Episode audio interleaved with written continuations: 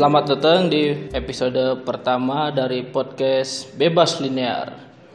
Podcast ini akan membahas tentang berbagai hal yang berkaitan dengan matematika dan juga hal-hal yang lainnya yang kadang kita juga bahas di luar matematika. Oke. Eh, perkenalkan, saya pemandu acara di sini. Eh, perkenalkan, saya Rizky dari Matematika ITB dan sekarang saya sudah bersama partner saya. Ya, saya Lawrence dari Matematika ITB juga. Ya, ngomong-ngomong kita angkatan 2015, jadi dan baru lulus tahun ini. Tahun kemarin. Tahun kemarin tepatnya, bukan tahun 2020 ya. Tahun kemarin. Ya, pada episode kali ini saya akan eh, kita akan membahas tentang apa itu eh, apa itu matematika menurut kita ya. Kayak kalau kalau menurut kamu apa itu matematika? Oke. Kalau menurut gua matematika tuh ilmu sains termurah yang cuma pakai otak, pakai kertas, pakai pensil jadi kita gak perlu praktikum ke sana sini nyari alat. Wow, makanya saya milih matematika. Ya, kalau menurut saya, kalau saya pandang itu matematika itu sebagai bisa sebagai alat untuk memecahkan masalah yang ada di dunia ini. Yang pertama sebagai alat, yang kedua adalah sebagai cara berpikir untuk menghadapi masalah di dunia ini juga. Oke. Nah, tambahin matematika itu sebuah bahasa juga. Ya. Nah, terus bedanya matematika sama penemuan lain, kalau penemuan lain tuh kalau negaranya berantem bisa jadi penemuannya diklaim sama negara yang lagi berantem. Kalau matematika gak pernah ada penemuan yang diklaim sama negara lagi yang lagi berantem. Ya, tadi ngomong-ngomong soal bahasa ya, Iya. itu itu saya pernah apa pernah nonton videonya ini Sujiwo Tejo ya di Siap. YouTube itu ya matematika dan matematika itu merupakan bahasa yang bisa dibilang universal itu hanya saja untuk menyampaikannya ya kita perlu bahasa masing-masing juga kan Yes. Nah, ngomong-ngomong soal bahasa, eh, matematika sebagai bahasa itu itu adalah eh, diduga sebagai bahasa yang katakanlah paling primitif yang bisa dipelajari oleh makhluk angkasa luar. Maksudnya ke- ketika kita ingin misalkan kita ingin berkomunikasi dengan eh, makhluk angkasa luar itu sudah ada itu yang mengirim sinyal. Kalau dicari ada namanya Arecibo message. Itu sebuah sinyal ke angkasa luar. Ada juga sinyal-sinyal lainnya. Nah sinyal yang dikirimkan yang pertama kali dikirimkan biasanya berupa simbol-simbol matematika dulu. Seperti ya kan?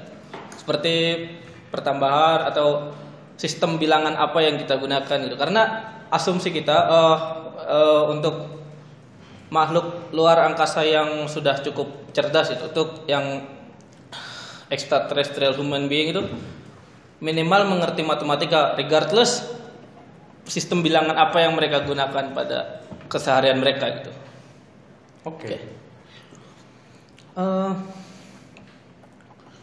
selanjutnya ya ngomong-ngomong soal matematika ya kayak kalau misalnya kalau di Indonesia sendiri misalnya kayak kita tuh sering eh, apa sih mandang kayak kalau misalnya orang itu pinter dari dia jago matematika atau jago ilmu sains lainnya ya ilmu eksak.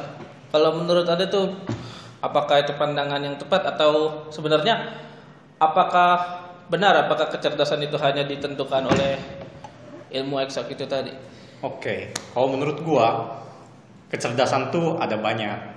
Kayak contoh kecerdasan linguistik.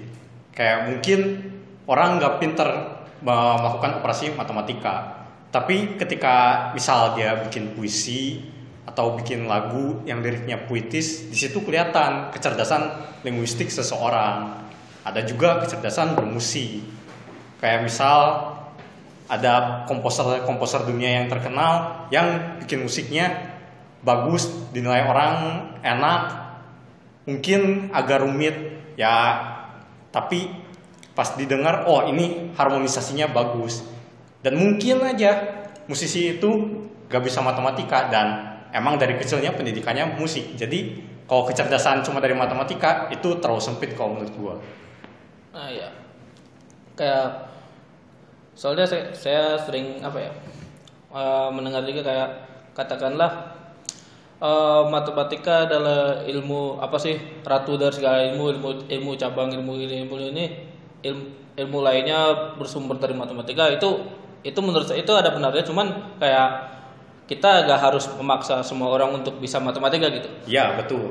Tapi kalau misalkan kita sebagai pelaku matematika sendiri, kita yang mem- memandang eh, matematika ini sebagai suatu yang fun untuk di untuk dijalani, untuk dieksplor gitu. ya betul Jadi kayak ya kayak kita gak bakal mengadvokasi untuk ya kita bilang matematika ilmu terpenting di dunia ya karena terpenting maka semua orang harus bisa sampai inti-intinya menurut saya itu agak kurang tepat. Karena ya pada akhirnya yang dipakai di sehari-hari ya tidak lebih dari tambah kali kurang bagi. Ya betul. Han- hanya saja ya untuk tapi dengan kita mempelajari matematika kita bisa meng, meng- apa sih meningkatkan pola berpikir kita supaya lebih sistematis tidak mudah termakan hoax nah Dan- itu penting itu makanya itu itu yang sangat penting yang perlu ditekankan tuh berpikir secara matematis bukan bisa matematikanya Iya. jadi berpikir matematis termasuk bermatematika tapi bermatematika sendiri lebih luas daripada berpikir secara matematis Iya. Jadi kayak kalau misalnya kalian mandang orang matematika itu kata paling jago ngitung justru salah. Iya itu Itu justru biasanya makin tinggi orang ilmunya atau makin murni ilmunya kita biasanya makin males ngitung-ngitung makin sedikit angkanya. makin sedikit angkanya dan kita juga makin males ngitung-ngitung karena aduh ini udah ada komputer, udah ada kalkulator, Iya. ngapain sih kita harus ngitung manual kan ada alat bantunya. Jadi yang pentingnya tuh cara berpikirnya bukan menghitung menghitungnya. Iya, jadi kayak ilmu-ilmu yang lainnya kayak misalnya yang yang berkaitan dengan penghitungan itu masih bisa digantikan oleh komputer. Ya betul. Hanya betul. saja untuk cara berpikir analisis, cara mendeduksi dari suatu masalah ke masalah yang begitu itu memang masih untuk saat ini ya kita masih memerlukan manusia Ya untuk betul. mengerjakannya. Oke, eh, selanjutnya kita akan ngobrolin kenapa kenapa kita ma- kenapa kita malah bikin podcast tentang matematika gitu, bukan podcast tentang yang lain gitu. Ya karena kita ingin ngobrol-ngobrol dan kita ingin berbagi apa yang kita tahu tentang matematika ke masyarakat. Kalau bisa mas, kita mungkin akan bahas de ke masyarakat awam yang masih awam tentang matematika, tapi mungkin sekali kita mungkin akan bahas yang bahasan yang agak berat. Oke.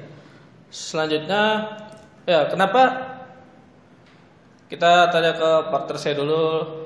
Oke. Eh, kenapa Anda suka matematika dan kenapa Anda memilih untuk eh, kuliah eh, kuliah di jurusan matematika? Oke, jadi teman-teman semua, kayak gue tuh dari kecil udah sering ikut lomba matematika. Ya, tapi yang menangnya dikit lah, lebih banyak kalah. Ya, paling pas SD cuma menang di kota. Ya, SMP malah gak pernah menang sama sekali. SMA, puji Tuhan dapat kesempatan menang di nasional. Nah, awalnya gue tuh bukan mau masuk FMIPA, tapi gue mau masuk STAY. Karena satu katanya kata kakak tingkat wah bosen nih matematika terus nih 4 tahun gitu kan nah yang kedua kalau di ITB itu ada namanya TPB jadi tingkat satu tuh masih belajar matematika fisika kimia dan yang lainnya nah gua dengar dari kakak tingkat gua kalau FMIPA tuh dapatnya matematika yang susah fisika yang susah kimia yang susah Sementara kalau stay matematika yang susah, fisika yang susah, kimia yang gampang. Nah, karena gue gak bisa kimia pas SMA, ya udah, gue pikir ah kayaknya masuk stay aja nih. Nah, di SNMPTN ternyata gue gagal. Dan di SBMPTN gue masih keke milih pilihan satu stay, pilihan dua FMIPA, pilihan tiga matematika UGM.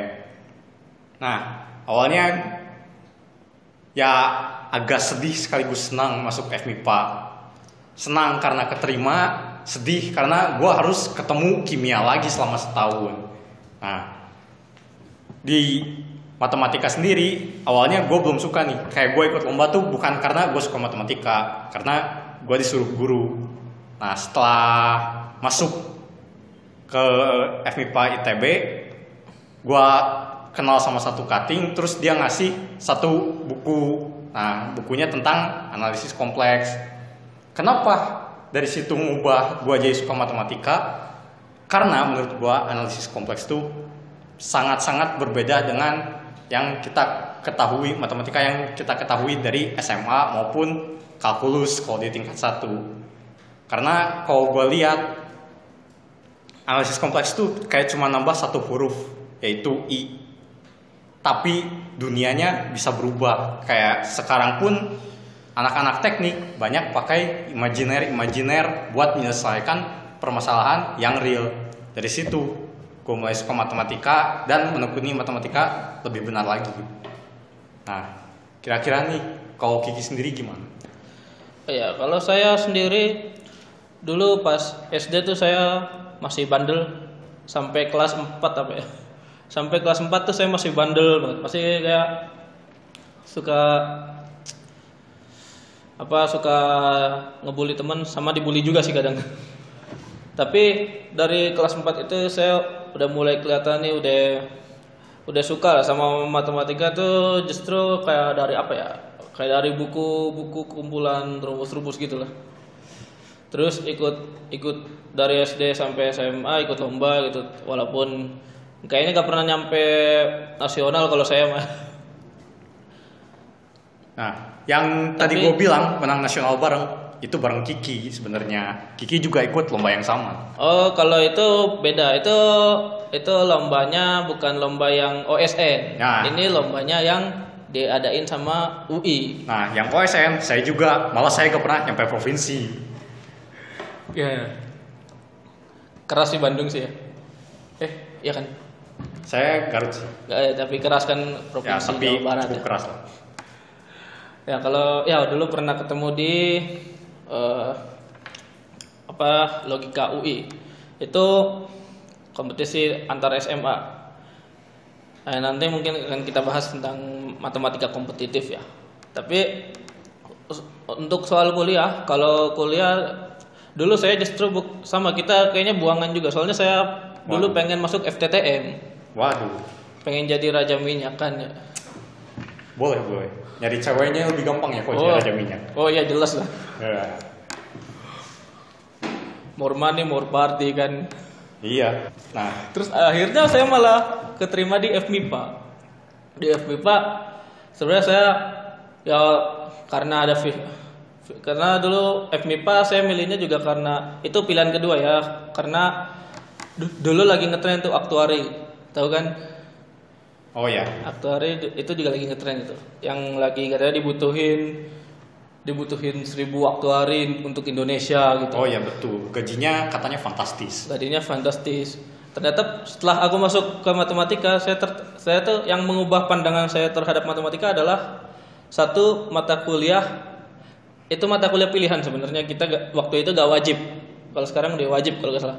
Namanya pengantar matematika. Oh iya. Jadi di situ kayak kita diajarkan gimana caranya berlogika di matematika dengan baik dan benar gitu dan itu mengubah pandangan saya tentang matematika saya kira tadinya kita matematika cuma ngitung-ngitung dan apal rumus aja gitu sebelumnya saya pikir begitu oh ternyata setelah saya ngambil matkul itu saya jadi berpikir oh ternyata matematika itu selain hanya apal dan hitung rumus kita juga bisa belajar untuk berlogika kita juga mendeduksi dari hal yang umum ke hal yang khusus. Atau itu induksi ya saya lupa. Tapi ya itu ya kita bisa memecahkan masalah dengan secara struktural. Nah tadinya saya pada awalnya saya gak tertarik ke lomba yang di universitas ya. Tapi ya tapi pada akhirnya kita ikut juga untuk lomba yang di tingkat universitas pada tingkat tiga tingkat empat itu itu yang tadinya saya kira saya bakal jadi aktuaris gitu. Ternyata jalur jadi aktuaris lumayan aku gak terlalu suka gitu. Jadi saya lebih memilih ke jalur yang lain. Nah. Selanjutnya nah kalau di matematika terutama tingkat universitas sendiri kita biasanya ada yang dikenal dikotomi antara matematika murni dan matematika terapan. Oh iya. Nah, sebenarnya apa sih matematika terapannya? Matematika murni, matematika terapan itu bedanya yang satu hanya dipelajari untuk um, menemukan uh, formula atau menemukan teorema, sedangkan matematika terapan dikatakan untuk ya untuk menyelesaikan masalah yang ada uh, di kehidupan sehari-hari. Nah, kalau ditanya apa apa aplikasi matematika di kehidupan sehari-hari, itu sebenarnya kita bisa sebutkan banyak sekali. Betul. Seperti kita bisa pakai listrik, kita bisa pakai HP, kita bisa bisa terbang, bisa transportasi, bisa ke mana ke industri, ya itu semuanya tidak lepas dari matematik. Ya. Nah, yang jadi masalah apakah matematika sendiri itu harus bersifat aplikatif? Oke, menurut gua sendiri matematika tuh gak harus bersifat aplikatif. Kenapa? Karena tujuh uh, matematika sendiri itu merupakan uh, bidang yang self contained gitu. Kayak orang lain mungkin gak ngerti pekerjaan kita apa tapi orang lain butuh kita gitu. Ya contohnya um, matematika tuh kayak bermatematika tuh kayak bikin puisi gitu. Kayak sebenarnya orang bikin puisi kenapa sih? Terus gak semua orang ngerti kan kenapa ini puisi disebut bagus gitu puisinya. Nah matematika sendiri kalau menurut gua kayak gitu. Gak semua orang harus mengerti matematika dan gak harus semua orang juga mengerti kenapa matematika ini keren gitu bagus gitu. Ya tapi karena matematikawan dibayar jadi ada bagian-bagian yang bisa diaplikasikan khususnya pada bidang-bidang fisika. Nah kalau menurut Kiki sendiri nih kan dari matematika terapan Gimana nih pandangannya terhadap matematika murni? Apakah gak perlu ada matematika murni, cukup yang terapan aja atau gimana? Oh ya ini ini sekedar info aja ya. Saya ngambil jalurnya matematika terapan sih untuk di S1. Kalau partner saya ini Lawrence ngambilnya matematika murni, khususnya analisis ya kan? Ya. Nah, kalau menurut saya ini bukan kayak yang satu terpisah dari yang lain. Justru yang satu itu harus bersinergi dengan yang lainnya. Maksudnya ya matematika murni bisa mengejakan yang ya ini sendiri. Tetapi ketika matematika terapan mungkin membutuhkan tool untuk memvalidasi modelnya biasanya kalau di matematika terapan itu kita bahasnya tentang model dari suatu masalah dari masalah dari masalah sehari-hari kita modelkan menjadi persamaan matematis Nah, ketika kita membutuhkan validasi apakah model kita ini akurat atau stabil atau uh, dapat menggambarkan ke keberadaannya kita tetap butuh uh, matematika murni untuk itu. Nah, jadi kayak dan menurut saya kayak ketika matematika terapan diciptakan untuk menyelesaikan masalah, menyelesaikan masalah hajat hidup orang banyak, matematika murni ada bisa sebagai alat bantu untuk menyelesaikan masalah tersebut bisa juga dipandang sebagai suatu seni seni tersendiri Jadi kayak kayak kalau misalnya di seni rupa dan desain itu ada ada seni, ada desain. Desain itu kayak misalnya buat oh misalnya bagaimana cara menyusun tempat duduk kereta supaya tangan kita nyaman gitu. Hmm. Itu itu desain yang aplikatif. Itu seni, itu salah satu karya seni juga, tapi aplikatif. Nah, kalau misalnya seni yang tidak aplikatif atau seni murni, itu hanya seperti hiasan atau lukisan atau patung, itu ya kita hanya untuk dinikmati hanya untuk dinikmati saja gitu. Nah, menurut saya seperti itu juga matematika murni dan terapan itu seperti itu. Oke. Sudah sudah dulu episode pertama kali ini kita akan sambung di episode selanjutnya.